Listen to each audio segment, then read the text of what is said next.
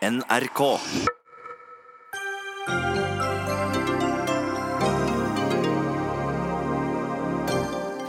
President Putin skryter av at Russland har uovervinnelige raketter som kan lure seg forbi rakettskjoldet, og viste animasjon av missiler på vei mot Florida i dag, idet han gjør seg klar til å vinne enda et valg. Forskere er sterkt kritiske til utviklingen i norsk barnevern, bruker tragedien på Sørlandssenteret i Kristiansand som eksempel på at politikken har vært feilslått.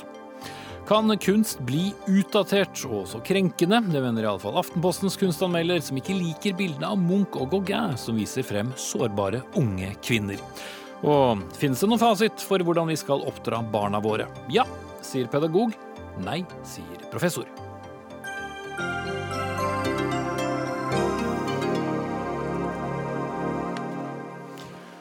Da ønsker vi eh, god kveld og velkommen til Dagsnytt 18 med Espen Aas. Russiske raketter kan nå mål verden over. Ja, det var noe av budskapet i den årlige talen til den russiske presidenten Vladimir Putin, som ble holdt i Moskva i dag. Putin viste frem en videoanimasjon av hvordan en rakett skutt opp fra russisk jord kan snirkle seg forbi hindringer som rakettskjold og treffe den amerikanske delstaten Florida. Og Julie Wilhelmsen, seniorforsker ved NUPI, eh, hva var det egentlig Putin ville med den talen i dag? Ja, altså eh, Talen dreide seg jo om veldig mye mer enn det du nevnte innledningsvis. Som det gjerne gjør, for den er ganske lang. Ja, den er veldig lang. Eh, og jeg vil ikke si at den primært dreide seg om det du nevnte, men vi kan jo begynne med det du nevnte. Uh, og det er uh, bare et, et, tegn på at Russland og Vesten, spesielt USA, er inne i et slags rustningskappløp. Og Russland har jo lenge varslet at akkurat dette rakettskjoldet f.eks., det ser de på som en trussel fordi det vil nøytralisere deres kjernevåpenkapabiliteter.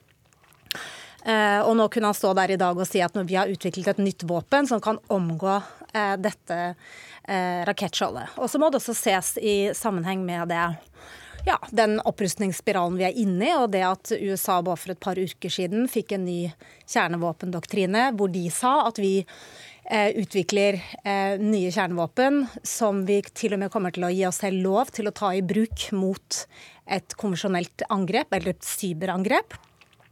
Eh, så det er en, en, en, ganske kraftig kommunikasjon utad om at man kommer til å svare på, på det USA står for. Og så er det selvfølgelig til innvortes bruk også. Han får jo sagt at jeg beskytter dere russere, og, eh, og kommer til å gjøre det. Og, det, det, kan jo uh, minne oss om uh, noe i hvert fall de litt mer voksne av oss husker fra både 70- og 80-tallet, hvor vi inspiserte tilfluktsrom og annet samtidig, nemlig kappløp, atomkappløp og, og kald krig. Ja, absolutt. Og, og, det er et kappløp med eh, etter hvert mange dimensjoner. Og det er jo det, det skumle her, at kjernevåpnene f.eks. har jo ikke vært så aktuelle hvis vi bare går to-tre år tilbake i tid. Mens nå er på en måte kappløpet, opprustningene, øvelsene, utplassering av styrker nærmere hverandres grenser øst-vest. Eh, og i tillegg kjernevåpnene satt i spill. Så det er en ganske bred eh opptrapping på begge sider. Eh, dette er jo en tale som kommer i et eh, ja, for så vidt viktig år. Det er jo eh, valgår. Du var så vidt inne på det med det innenrikspolitiske. Hvor viktig er det å vise seg som Russlands sterke mann for sine mm, egne velgere? Det er jo, det er jo ofte det han gjør. Ja, det er, det er viktig, og det har det alltid vært fra Putin kom til makten for, for, mange år siden, altså allerede i 99, da han begynte som statsminister, så har han jo på en måte brukt dette med at han skal beskytte Russland mot, mot trusler, enten det er tsjetsjenske terrorister eller det nå er uh, Nato og, og, USA. Men jeg, jeg syns det mest slående med talen i dag eh, er mer at han sørger for å eh, å sikre seg den eh, innenrikspolitiske opinionen. Nå blir eh, Putin ganske sikkert valgt igjen, men det som er den store utfordringen for ham på sikt, det er at det er store sosiale og økonomiske utfordringer eh, fremover i, i, Russland. Og det er jo nettopp denne fanen potensielle eh, opponenter kommer til å til å heve, og han sørger for i hele første del av talen å adressere alle disse spørsmålene én etter én. Alt som går på helse, fattigdom, eh, antall barnefødsler, altså de, de, de store utfordringene eh, han vet eh, ligger der. Um, så det syns jeg kanskje er det mest eh, ja, det, det, viktigste ved den talen, som for så vidt er, er ganske forutsigbart. da. Mm.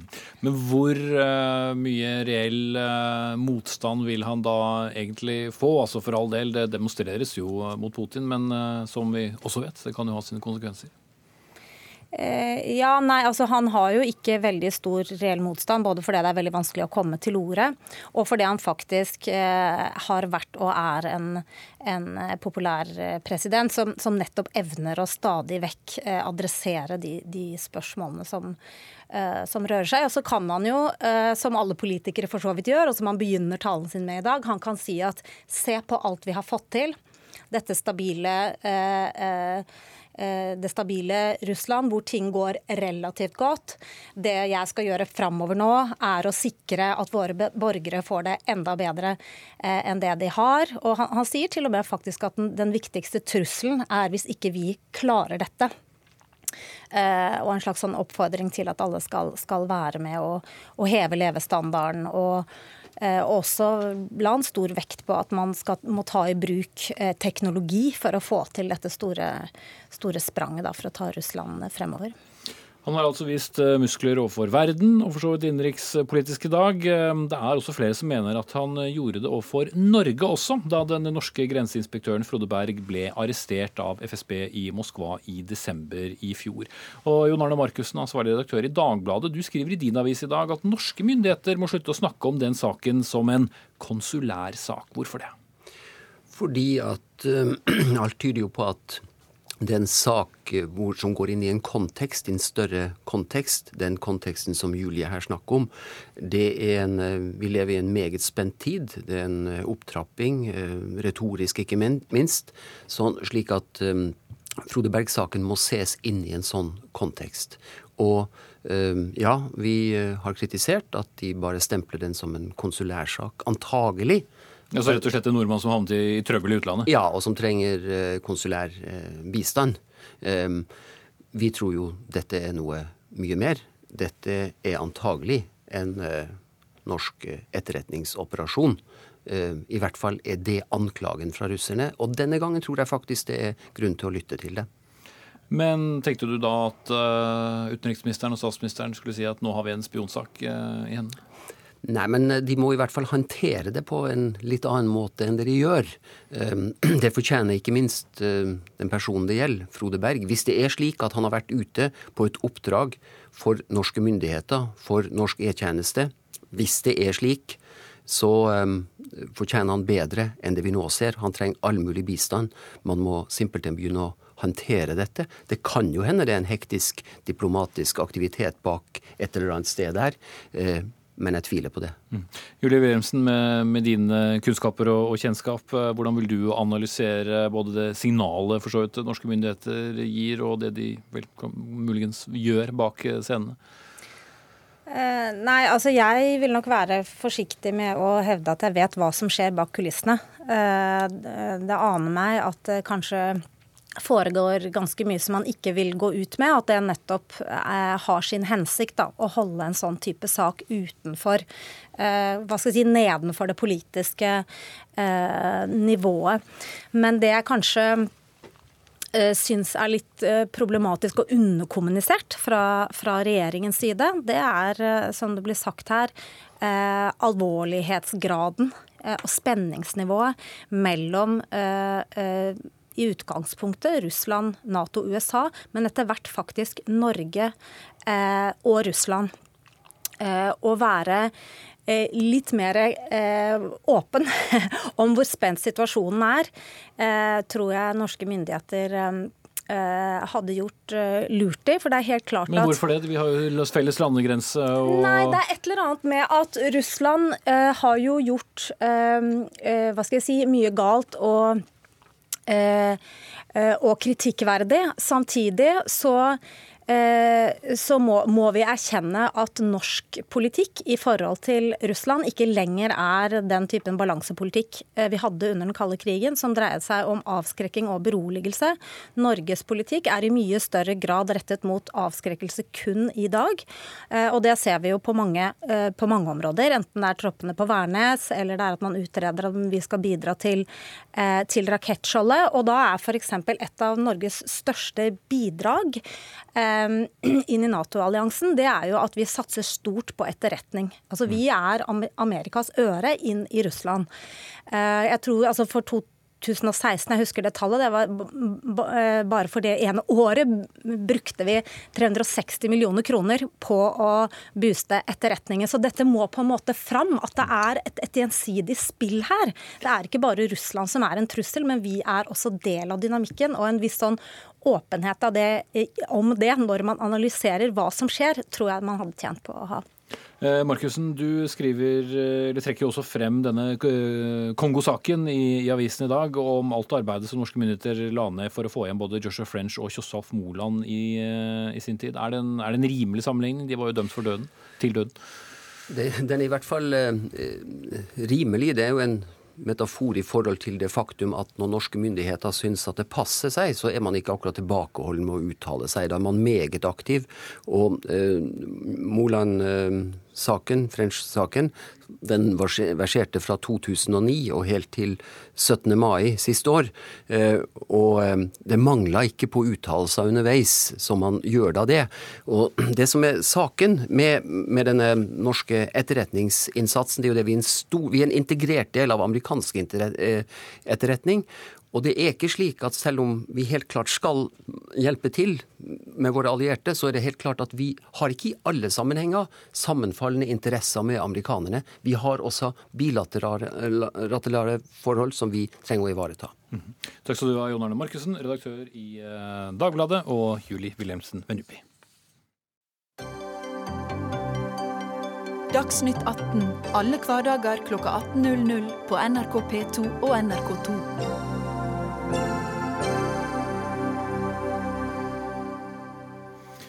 Så skal vi til eh, helt hjemlige forhold nå, og forskere som gir politikerne elendig karakter i organiseringen av barnevernet. Politikken har vært feilslått, politikerne har skjøvet ut institusjonene, og mange gode fagmiljøer har blitt eh, løst opp. Ja, denne mitraljøsen fyrer du av, Jan Store, dosent ved Oslo OsloMet, Storbyuniversitetet, tidligere kjent som Høgskolen i Oslo og Akershus, i en kronikk i Aftenposten denne uken sammen med Vigdis Bunkholt, som er psykologspesialist. Der viser dere bl.a. til tilsynsrapporten etter den tragiske hendelsen på Sørlandssenteret i Kristiansand 26.6 i fjor, der en 15-åring som var i barnevernets omsorg, stakk ned to personer. Én døde. Og bare for å ha stilt da det spørsmålet helt konkret, mener du at denne tragedien kunne vært unngått hvis det hadde vært satset eh, annerledes på barnevernet? Jeg syns det er veldig vanskelig å spekulere på, på, så direkte sammenhenger. Men siden dere trekker den inn? Ja, jo, men altså, Vi bruker den jo ikke. Vi sier jo at er, vi skal være forsiktige med det i kronikken vår. da. Så det vi sier nå om, det er at vi har et, et, skal vi si, et apparat på, i barnevernet på plasseringssiden, altså der hvor barn og ungdom bor, som har forandret seg veldig da, gjennom eh, en del år. 15 års tid, kanskje. Og hvor vi har hatt eh, en veldig sånn sterk føring på at alle barn skal bo i fosterhjem når de blir plassert i et, i et barnevernstiltak, og ikke institusjoner. Vi skal ha institusjoner i så ytterst liten grad som mulig. Og det mener jo en del av oss som er i det fagfeltet, er en veldig drastisk og veldig ideologisert måte å tenke på. hva, hva var eh, utfordringene de gir, eller faren om du vil, da, ved, ved en sånn endring i politikken? Utfordringen er jo at eh, barn i barnevernet, ungdom i barnevernet, er veldig ulike som selvfølgelig alle andre er. Men de er individer, ikke sant? og de har veldig ulike og sammensatte problemer og, og historier bak seg. Så de trenger veldig ulike tiltak, eller ulike tilbud. Noen, veldig mange, bør bo i fosterhjem hvis de skal bo utenfor foreldrehjemmet. Men så er det også noen som trenger institusjoner. Og institusjoner er selvfølgelig en dyr, tiltakstype. Eh, og det er en veldig ekstremt vanskelig ting å drive gode institusjoner. Så jeg er veldig bekymret over at vi har lagt ned såpass mange eh, og redusert antallet institusjonsplasser gjennom mange år. Og sånn sett at fagmiljøene knyttet til det er til det splitta opp. da. Mm. Og så har vi fått da nå i de senere årene mindre institusjonslignende tiltak, enetiltak, som denne jenta f.eks. bodde i. da. Eh, noen av de er gode, og vi vet ikke nok om hvor gode eller dårlige de er. Det skjer litt for fort, er det det du Ja, men, jo, men, men de tiltakene de er jo ikke kvalitetssikret godt nok sånn generelt. da. Mm. La oss uh, trekke inn uh, noen av de som da gjerne henter inn når vi snakker om uh, endringer, nemlig politikerne. Tone Trøen, leder av familie- og kulturkomiteen på Stortinget for partiet Høyre. Hva vil du si om uh, Har det skjedd litt for fort? Er det for lite gjennomtenkt? Det viktigste for oss som er politikere, er jo å legge til rette for at de fagpersonene som jobber i barnevernet, og som skal ta beslutninger for hvert enkelt barn, er godt nok rusta til det. Har god kompetanse, klarer å se det enkelte barns behov. Og det er et arbeid som har vært styrka over mange år, og som er veldig viktig for vår regjering. Bygge kompetanse i barnevernet, sånn at beslutningen som tas rundt barnet, eh, hensyntar det som virkelig er barnets behov. Og for noen barn så er det riktig å bo i institusjon. Men denne nedbyggingen som eh, Storø er bekymret for, eh, har den vært, den har vært villet? For um, I starten av 2000-tallet, som dere også refererer til i kronikken deres, så, så ble det jo vedtatt en, en, slags barnevernsreform på Stortinget. Eh, den belaget seg jo i stor eh, grad på en NOU. Et, eh, et befringutvalg som kom med gode faglige råd til politikerne om hvordan en skulle rigge ja, en barnevernet. Rett og slett en, en, en norsk rapport, offentlig utredning, eh, faglig basert. Eh, og det er klart at eh, det er også veldig stor faglig konsensus rundt at det for de kanskje aller fleste barn er best å vokse opp i et fosterhjem. Uh, men vi har jo institusjoner i Norge, og i løpet av de siste 15 årene som, som dere også refererer til, så har det jo skjedd et kvalitetsløft i institusjonene. I er du enig i det, Store? Ja, det, De institusjonsplassene vi har, nok, uh, har nok en god del av dem for så vidt løftet seg bl.a. pga. bedre tilsyn osv. Og, så videre, og at fagfeltet som generelt også er, er, dyktigere, rett og slett. Altså det utvikles. Men denne ideologiske styringen av, av, at man da skulle satse på familie, for det var det som var utgangspunktet i, i særlig Bondevik II-regjeringen for barnevern, barnevernets vedkommende. Da. Skulle man satse på familie. Og det var jo for så vidt et vakkert, som vi skriver, da, et vakkert, men ikke kunnskapsbasert grep. da. Mm. Og det, det, det, gikk jo nedover i systemene også. Altså Denne føringen gikk jo veldig sterkt ned i systemene i, i stat og kommune. Mm. Og um, Det er jo en god stund siden, men dere var jo en del av denne, denne regjeringen også, tror jeg. Men Anser du den som, som, ideologisk, eller er den fagbasert? Nei, jeg, jeg, ble jo litt forundret når jeg leste kronikken med den, med den, på en måte sterke slagsiden mot at dette skulle være bare politiske føringer. Eh, fordi at eh, jeg mener i hvert fall ut ifra en del av den forskningen jeg har lest, at, at det også er veldig mange av dine kollegaer som mener at eh, det er et riktig valg. Og at barn i veldig stor grad har godt av å vokse opp i en fosterfamilie, nettopp fordi at når du flytter et barn ut av sin eh, familie, eh, som det er født inn i, eh, så vil jo det å f.eks. legges inn på en institusjon eller få plass på en institusjon, kunne bety at man må flytte ganske langt vekk der, fra der man er født. Og kanskje vokst opp. Bare for å plukke opp dette poenget da med, med denne tragedien på, på, Sørlandet. Der skriver jo dere at tilsynsrapporten om behandlingen av jenta på Sørlandet som drepte en annen jente, feller en knusende dom over et oppsplittet hjelpeapparat. Det er ikke vi overrasket eh, over. Tone Trøen, er du enig i at den er et varsko, eller er det en enkelthendelse som tas ut av sin sammenheng? Jeg syns det er veldig vanskelig å gå inn i en enkeltsak på samme måte som faktisk du også sier det. Men, Men de peker jo på systemet, da. Ja, og jeg tror vi alle eh, skal erkjenne at det alltid fins et veldig stort forbedringspotensial i norsk barnevern. Det jobber vi veldig hardt for hver eneste dag på Stortinget. Eh, vi har faktisk vedtatt endringer i barnevernsloven, eller avgitt en innstilling om det eh, senest i dag. Og det er klart at noe av det som har vært det viktigste og det mest førende de siste årene, er å bygge kompetanse og sikre at de som jobber i barnevernet kan ta og har kompetanse til å ta de riktige beslutningene for hvert enkelt barn. Se hvert enkelt barns behov. Og det som også har vært en endring, må jeg bare si, når det gjelder institusjonsplassene de siste årene, er jo at de er mye mer innrettet rundt barnas behov. Det er også litt mer sånn målgruppebasert, sånn at et barn faktisk eh, som trenger å bo på institusjon, plasseres på en institusjon ut fra sitt behov. Ikke bare at det er en institusjon, men det er en institusjon som er på en måte rigget til å ta imot det barnets behov. Og Det mener jeg er en god forbedring. Og så har vi mye ja, å gå på fortsatt. Ja, eh, og, Store, eh, er du enig i at det er, er, har vært en forbedring? Eh, altså Selv om du altså selvfølgelig er kritisk til nedbygging av institusjonene, men jevnt over? Ja, som jeg sa, så er jo hele fagfeltet har jo vært i, utvikling, så det er jo ikke noe merkelig. Men det er noe med denne, denne veldig sterke ideologiske føringen som det var det som var vårt viktigste mm. anliggende her. Og uh, du kan si jeg, jeg, tok med meg det fra jeg, jeg, holdt et kurs for fosterforeldre for noen år siden. Den, et nå blir det kort deretter, for nå står det noen utenfor døren. Og så sier de det at hvis du skal ta med noe til Oslo, det kan jeg gjøre her, da, så sier de, de dere må ikke belaste fosterhjemmene med ting vi ikke klarer å jobbe med. Det blir for vanskelig. Ungdommene har for mye problemer. Mm. Det vet jeg du vil svare på, Trøen, men jeg må si takk til deg, som også er leder av familie- og kulturkomiteen på Stortinget. Også Jan Store, dosent eh, ved Oslo MET, Storbyuniversitetet.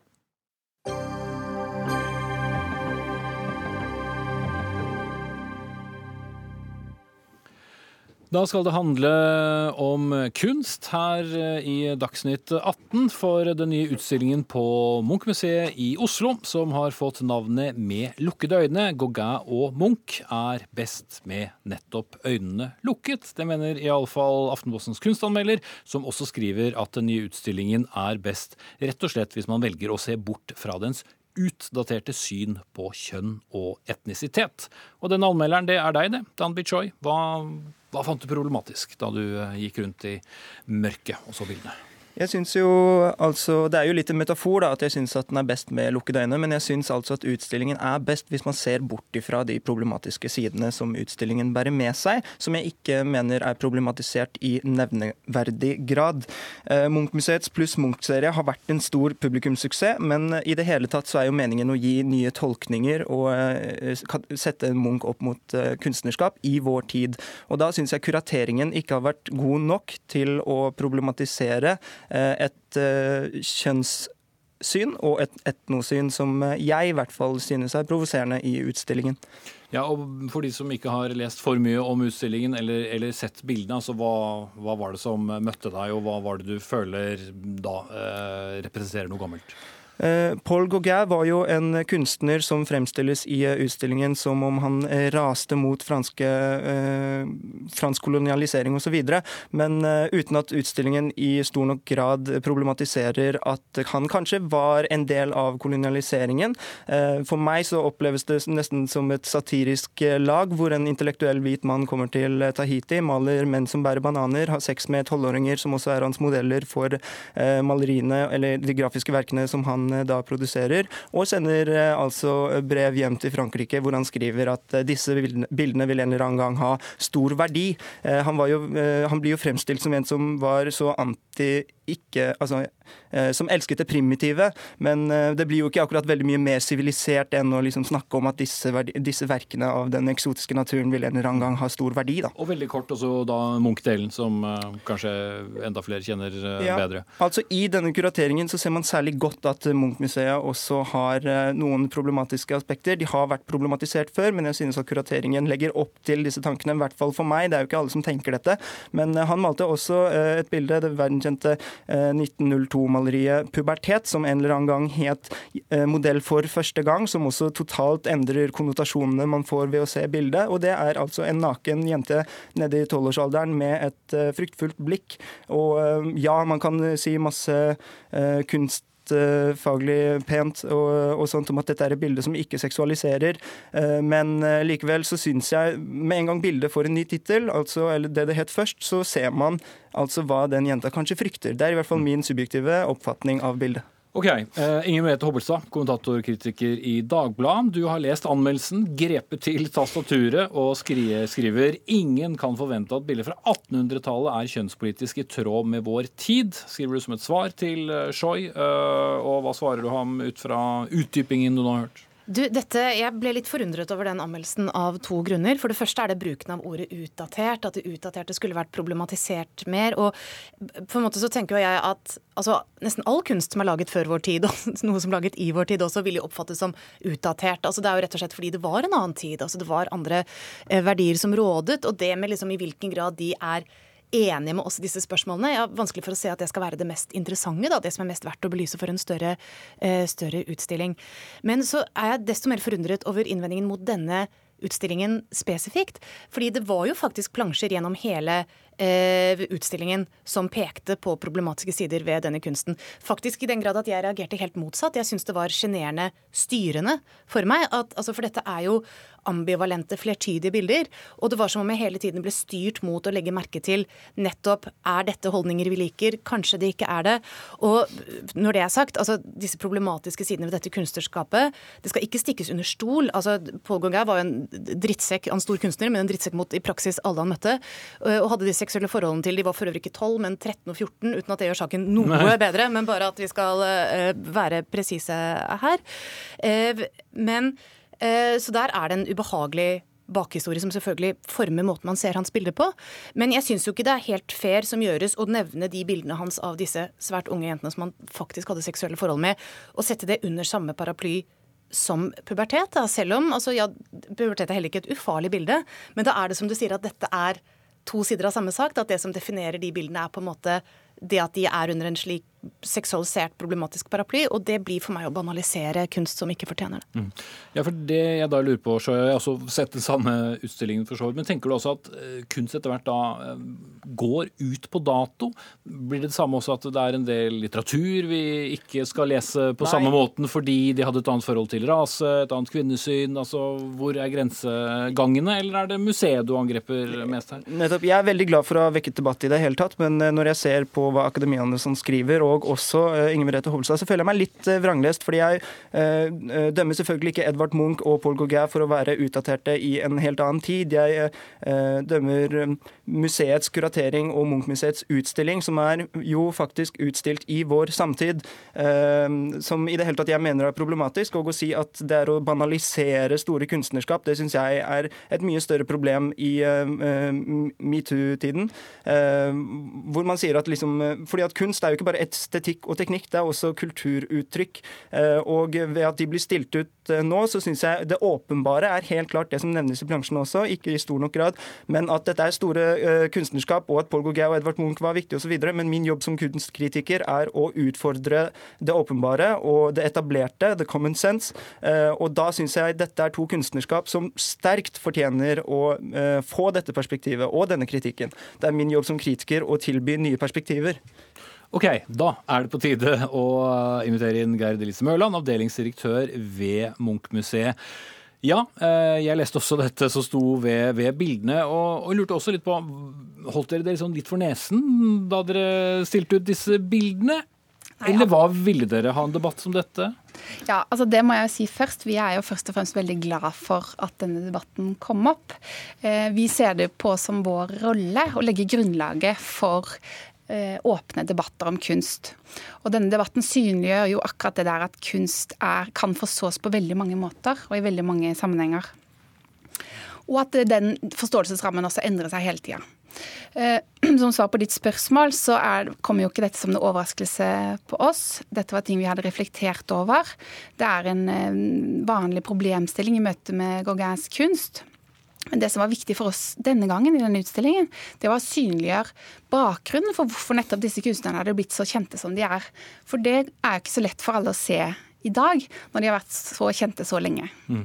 Men som Hobbelstad vel var inne på, og som andre som har sett en utstilling også har sagt, med det bakteppet så ble det også en litt annen opplevelse, og kanskje litt vondere opplevelse å se noen av disse bildene. Og hvorfor vil dere påvirke oss? Eh, fordi pubertetbildet kan ha betydd noe annet inntil man går og, og ser det i den konteksten. Ja, altså All utstillingsproduksjon og all kuratering påvirker lesning av kunst. Og det er jo, sånn som vi ser det, akkurat det som er vår jobb. Å sette kunsten inn i ulike sammenhenger og ulike forståelsesrammer. Nettopp for å heve, heve frem uh, ulike aspekter ved bildene. Uh, og når det gjelder pubertet, så har vi jo sammenstilt det på en måte i en Melgaard-utstilling som uh, antyda en sammenheng mellom den situasjonen og en overgrepssituasjon. Så det sporet har vi allerede gått. Um, ja. Mm. Ja, Hobbelstad, mm, syns du det er greit uh, å gjøre som Munchmuseet forklarer det? Ja, altså jeg synes jo uh, mye av det, altså nettopp det å sette bilder sammen og fremkalle nye effekter i den som ser på, syns jeg, synes jeg er veldig, stort sett er veldig fine grep. Uh, det var kritisk det her, det var at du også ble veldig styrt om hva du skulle tenke om denne sammensetningen av plansjene. Uh, og det synes jeg er altså Noe av det som er det fine ved å gå og se denne kunsten, er jo at den er uh, flertydig. At det, ikke sant? det er et potensielt ubehag der. Det er, og kunst er jo ikke normativ, ikke sant? Den skal jo skildre fenomener man ser rundt seg, som man opplever som ikke alltid er høyverdige eller ikke alltid er eh, ja, i tråd med gode følelser. da. Og men jeg foretrekker nok å stå foran kunstverkene og kunne gjøre meg opp mine egne tanker. Føle mine egne følelser. altså Andre vil kunne føle andre følelser. Og de fleste, særlig gitt kanskje den lille opplysningen om Gauguin f.eks., så vil jo det, det, å se disse bildene være blandet med en viss ubehagelig følelse. ikke sant? For det er ikke, eh, det er ikke bare uskyldige bilder, eh, dette. Eh, men at denne farligheten får lov til å spille på, spill med, spille på lag med alt det andre som er i de bildene, uten at de på en måte skal eh, peile så tydelig i retning av den spesifikke tolkningen. Og det syns jeg ville gjort opplevelsen mer interessant for min del. Takk skal du ha, Inger Merete Hobbelstad, kommentator og kritiker i Dagbladet, Gerd Elise Mørland, avdelingsdirektør ved Munch-museet, og Danby Choi, kunstanmelder i Aftenposten.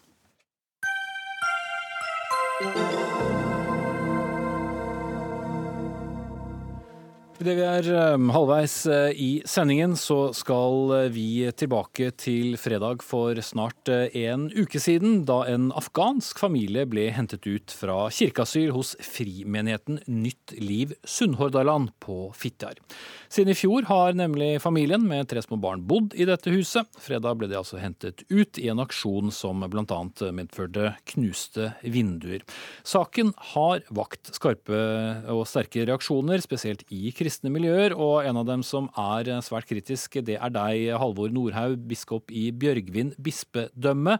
Eh, hvordan vil du karakterisere det som politiet har gjort her? Til Vårt Land i går sa du bl.a. at politiets eh, utlendingsenhet snarere, opphever Justisdepartementets retningslinjer og avskaffer egenhendig kirkeasylordningen. Det var voldsomt. Ja, det høres voldsomt ut, og jeg mener at det er en begrunnet reaksjon. Fordi det som ble sagt av Christer Lie Høgslett fra Politiets utlendingsenhet på tirsdag morgen i radio, det var at denne familien har oppholdt seg i bygget. Og da er det vanskelig å forstå at det blir benyttet til det formål som kirke og bedehus normalt og tradisjonelt benyttes til. Men alle som er i kirkeasyl, oppholder seg i bygget. Det er jo nettopp det som er kirkeasylet. Og når man da sier at her er det ikke noe kirkeasyl fordi folk bor der, så har man realiteten eh, revet bena vekk under hele kirkeasylet.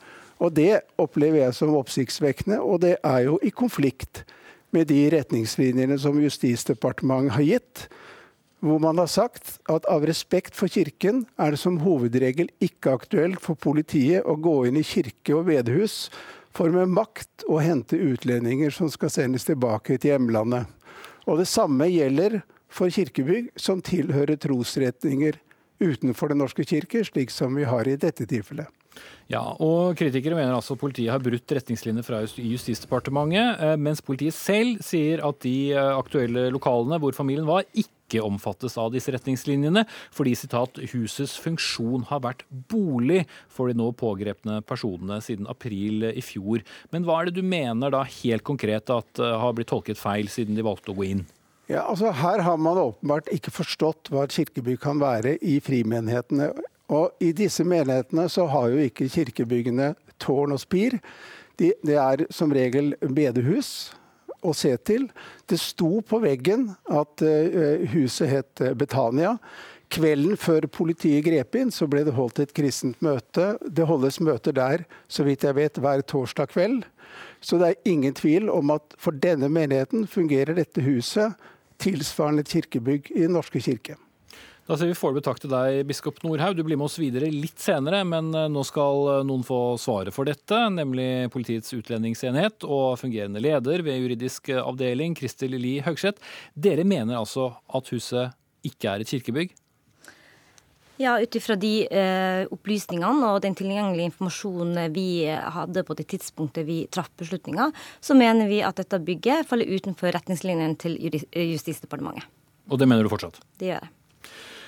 Så dere har da en annen definisjon på kirke enn Bjørgvin-biskopen, da? Eh, retningslinjene legger ikke opp til at det er politiet som skal definere hva som er en kirke. Det vi skal vurdere, er hvorvidt eh, dette er et kirkerom som da eh, av hensyn til og respekt for kirka og kirkefreden, eh, skal ikke politiet gå inn i. Og så sier retningslinjene at eh, dersom at kirkerom er av, helt avgrensa, og at leilighet og aktivitetsrom faller utenfor.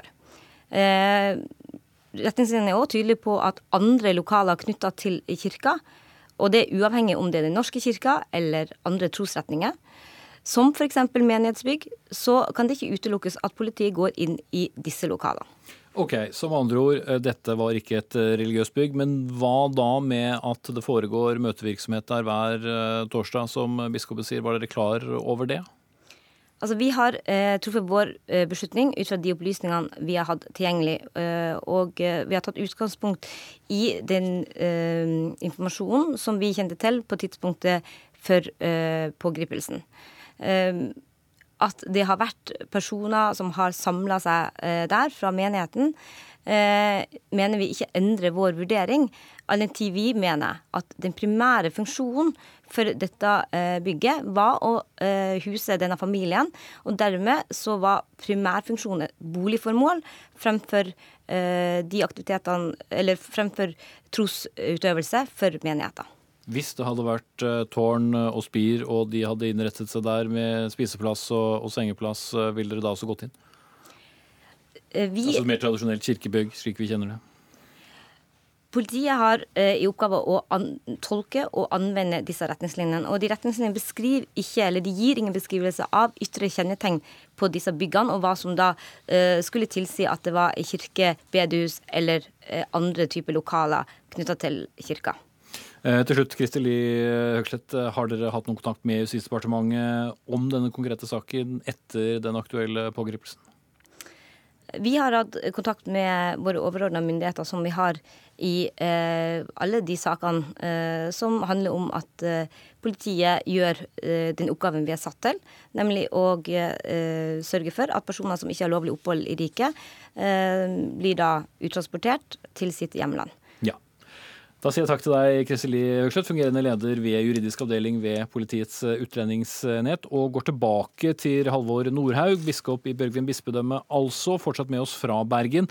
Er du da bekymret for at denne saken setter en ny presedens i hvordan kirkeasylordningen skal tolkes og praktiseres? Ja, hvis jeg skal ta um, det for pålydende det som nettopp ble sagt fra politiets side, så sier man jo at uh, så fremt det bor folk i en kirke, så er det ikke kirkeasyl. Og det er en inn en helt åpenbar selvmotsigelse. Jeg kan ikke skjønne hvordan man kan si noe sånt. Her har folk oppholdt seg i det som er kirkerommet. Det holdes regelmessige møter. Det er helt åpenbart at politiet mangler kompetanse på hvordan et kirkerom fungerer i frikirkeligheten. Og her er det begått et grovt feilgrep. Og politiet har etter min mening ikke noe annet å gjøre enn å beklage det overtrampet som her har skjedd. Justisdepartementet ble altså informert av Politidirektoratet om pågripelsen i forkant. Vi har invitert eh, justisminister Sylvi Listhaug til å svare på hva hun mener om aksjonen. Hun kunne ikke stille her verken i går eller i dag, og var heller ikke til stede da Politisk kvarter diskuterte saken på tirsdag. Hun har gitt en uttalelse i dag som eh, langt på vei da støtter eh, politiets handlemåte her. Men vi har med oss Jon Helgheim, som iallfall er innvandringspolitisk talsmann i Fremskrittspartiet. Befinner deg da i Stortinget og ikke i regjering, bare for å presisere presisert det. Men føler du deg trygg på at politiets vurdering er innenfor de gjeldende retningslinjene om kirkeasyl? Ja, det er ikke opp til eh, oss på Stortinget å vurdere sånne enkeltsaker. Men jeg har tillit til at eh, politiet gjør de aller beste vurderingene, og at de eh, gjør de riktige vurderingene. Så mener jo jeg at denne saken og den diskusjonen som vi nå har fått i ettertid, den viser jo egentlig hvor meningsløst dette prinsippet med kirkeasyl er. Det er jo en tradisjon som er helt utenfor rettssystemet. Det har ingenting i norsk lov å gjøre, men det er en instruks som sier noe om at eh, dersom man har fått et vedtak mot seg som man ikke liker, eh, så kan man oppsøke en kirke, og så skal eh, man da unntas og, og få eh, fulgte opp det vedtaket mot seg, som f.eks. en eh, utsendelse av landet her. Vi kan ikke ha det sånn. Vi er et moderne eh, demokrati. Vi er en rettsstat eh, som eh, må bygge opp under eh, demokrati og rettsstaten. Ikke ha eh, privatpraktiserende eh, instanser på siden av samfunnet som bare kan gå inn og si at norsk lov skal ikke gjelde i et kirkerom Eh, på den måten. Det undergraver hele rettsapparatet, og det undergraver asylordningen. Jeg klarer ikke å se de gode argumentene. Men du vil da fjerne rett og slett hele den kirkeasylordningen slik den har vært gjennom ja, mange, ja, det har absolutt, absolutt eh, utspilt sin rolle, og opprinnelig så var nok dette her ment fra gammelt av, når vi ikke var en eh, rettsstat, når vi ikke hadde et velfungerende demokrati, når personer ikke hadde et rettsvern så var det nok eh, mer aktuelt å diskutere å ha et sted man kunne søke beskyttelse når det var fare for liv og helse. Men vi har jo i Norge i dag et asylsystem som skal ivareta eh, de som trenger beskyttelse. Mm. Og Kommer du til Norge og trenger beskyttelse, så skal du jo få det. Men har du ikke behov for beskyttelse, da skal du sendes ut. Men da så kommer da Kirken inn og sier ja. at det skal du ikke. Og det er det jeg har tenkt å trekke inn deg nå. Eh, Nordhaug, syns du kirkeasylordningen fortsatt har livets rett, og, og trengs den? Fordi asylinstituttet har jo utviklet seg veldig mye på de tiårene. Ja, Nå eh, fremstiller jo Helgheim det som om Kirken har opprettet kirkeasylet. Det er jo helt feil.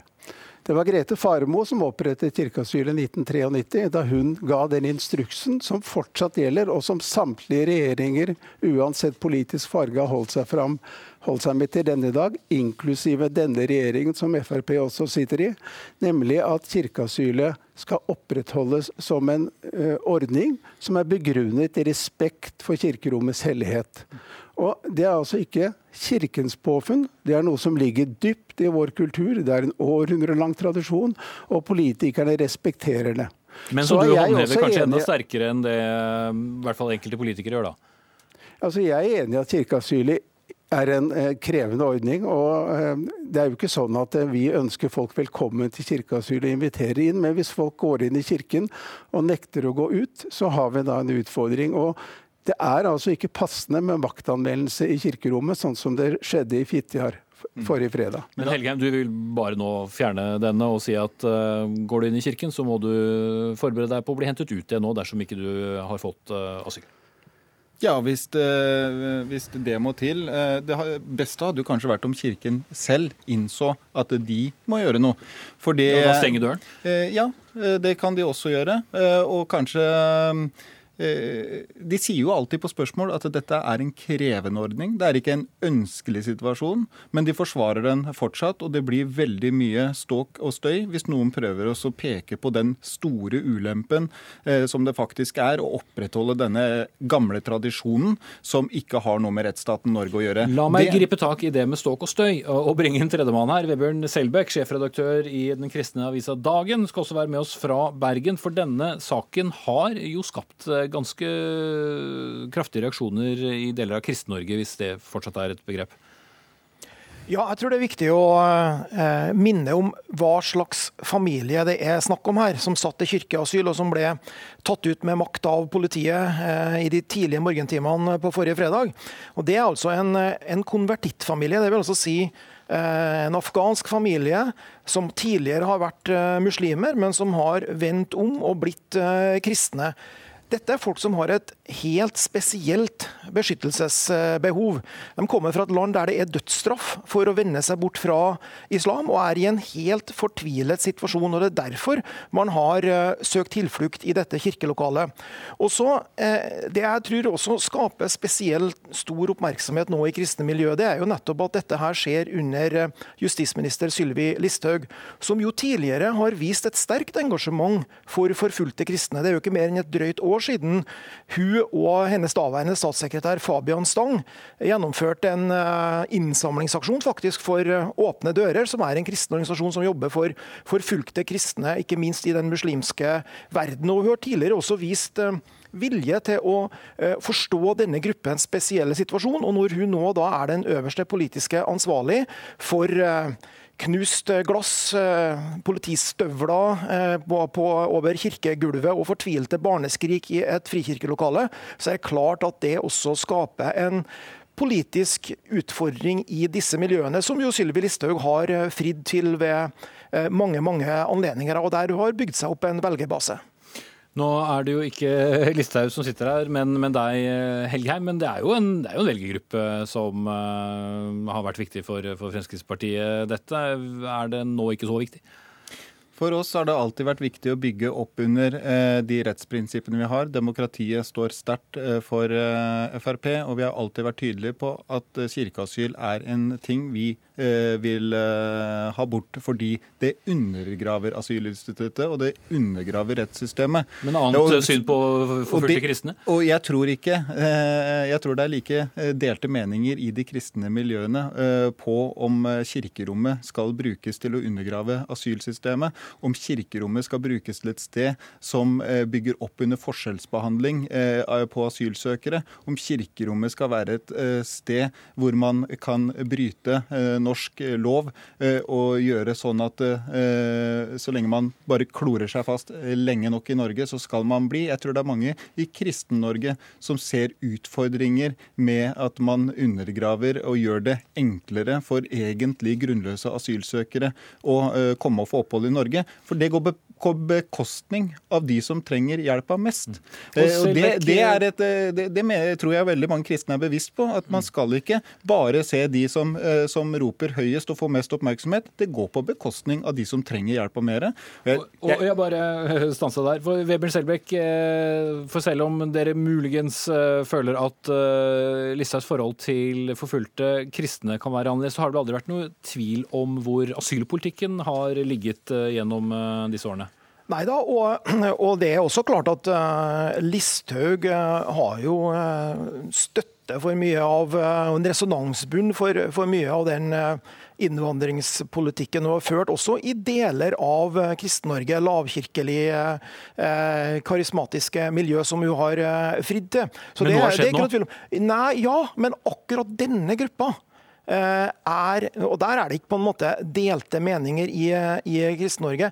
I denne saken så er det faktisk en bemerkelsesverdig enhet fra eh, kristne med veldig ulik eh, politisk farge, aktive i, i, i Kristen-Norge, som reagerer på at denne konvertittfamilien er behandla på denne måten, og den faren de står eh, i ved å bli sendt tilbake til et land der det er dødsstraff for å vende seg bort fra islam til eh, kristen tro. Dette, dette er det jo eh, rettsapparatet i Norge som skal vurdere. Og vi har et godt system med massevis av ankemuligheter eh, som skal ivareta de som trenger beskyttelse. Og dersom man trenger beskyttelse, så får man det i Norge. Vi sender ikke tilbake personer som står i fare for å få dødsstraff. Dette har vi systemer for å øh, fikse fra før. Kirken er ikke en del av det systemet. Og det synes jeg er på tide at vi, at vi snur debatten tilbake igjen. Hvis noen mener at systemet er for dårlig, så er det helt legitimt å ta til orde for å endre systemet. Det er sånn vi jobber i Norge i dag. Det er sånn vi driver politikk. Men vi bygger ikke opp privatpraktiserende eh, tiltak på siden av rettsapparatet som ikke er underlagt norsk lov. Lenger enn det må vi ha kommet, og det kommer vi til å kjempe videre for.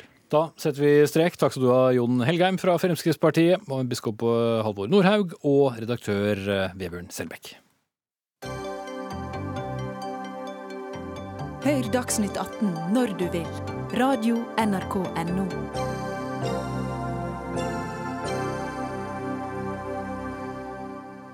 Vi skal nå snakke om barneoppdragelse, for um, hør på dette.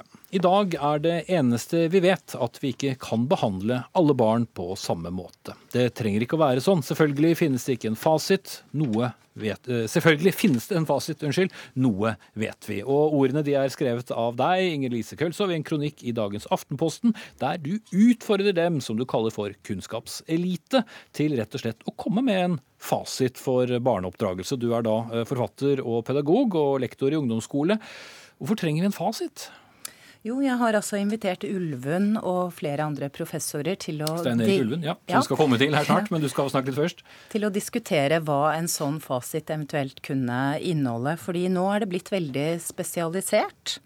Eh, og jeg tror at mange foreldre føler, føler at de får råd som det er vanskelig å bruke dette, og hører at det finnes ingen fasit. Hva gjør vi med det? Og jeg tenker at Hvis vi er allmenne nok, så må vi kunne klare å si noe om hva som er bra for eh, alle barn. Og jeg har noen innspill der som jeg gjerne vil komme med, og diskutere hva en sånn fasit da skulle inneholde. Rett og slett litt universelle regler for barn, da? eller? Ja. F.eks. sosial stund. Det er tid der barn og voksne er opptatt av det samme sammen. Det er noe som alle barn, enten om de er spedbarn eller tenåringer, har godt av med de voksne. Og Går vi ut og råder med det, vi som er dedikerte og opptatt av barn, så vil vi påvirke barns liv. Uansett temperamentstype og alder har barn godt av en stund med voksne hver eneste dag. Ja, du er allerede halvveis introdusert her, Stein Erik Ulven, professor og ved Institutt for eh, pedagogikk ved Universitetet i Oslo. Eh, hun etterlyser en fasit. Det har da ikke du. Hvorfor ikke? Det har jeg ikke, fordi det finnes ingen fasit, og hun påstår at det gjør det. Eh, den viktigste begrunnelsen for det er jo at det største mirakelet er jo at de aller fleste barn blir normale selv om de blir oppdratt helt forskjellig. Hvis det fantes en fasit, så ville de, de fleste vandret rundt som psykiatriske kasus. slik at det er helt åpenbart at det finnes mange veier å gå. Men det betyr ikke at alt er like bra. Men det finnes rett og slett ingen kokebok for hvordan du skal oppdra barn. Og nettet er fullt av eh, 'slik får du en lykkelig baby', 'slik får du barnet ditt til å sove', jeg venter bare på boka, 'slik kan du lære barnet ditt til å gå på, eh, på en eh, Eh, kronglete vei uten å slå seg. Altså Det er liksom ikke grenser for hva det finnes oppskrifter på. og Jeg har gått til et frontalangrep mot denne type detaljstyring. og Det som har produsert mest min meddebattant, er at det siste kapitlet heter 'Du er den beste eksperten'. Og det er jo da foreldrene, men samtidig så står det jo i den samme kronikken at jeg underkjenner foreldrene, har ikke tillit til foreldrene. Og det er nettopp det jeg har. Jeg mener at de er gode til å finne ut selv hva som er best for barnet sitt. Det er du kanskje ikke så uenig i, Kølså, men altså, barn er jo veldig forskjellige. altså To søsken kan jo være rivende forskjellige og kanskje trenge helt forskjellig ja, helt, helt, soleklart. Og jeg har lest uh, Ulven med fler. Og for å få råd om å leke med barnet hos ulven, så må jeg først kategorisere barnet mitt som et forsiktig barn. Da råder han meg til å leke med barnet. Og jeg mener at da har vi rotet oss litt ville. Noen ting, allmenne Hvor, hvorfor ting Hvorfor blir det rotete? Jo, fordi alle barn har godt å bli lekt med. Uansett om jeg bruker merkelappen aggressiv og dominerende, som ulven eh, appellerer til, eller forsiktig, så har barnet godt av å bli lekt med. Og når vi sier det, så er det noe som jeg som forelder kan bruke hver dag. Prøv å leke eller prat med barnet ditt, uansett om det er spedbarn eller tenåring hver eneste dag. Det har alle barn godt av. Fordi den sosiale stunden da vi er opptatt av det samme, med førskolebarn, så kan vi leke rollelek. Da får vi gode lekere, de er populære i barnehagen.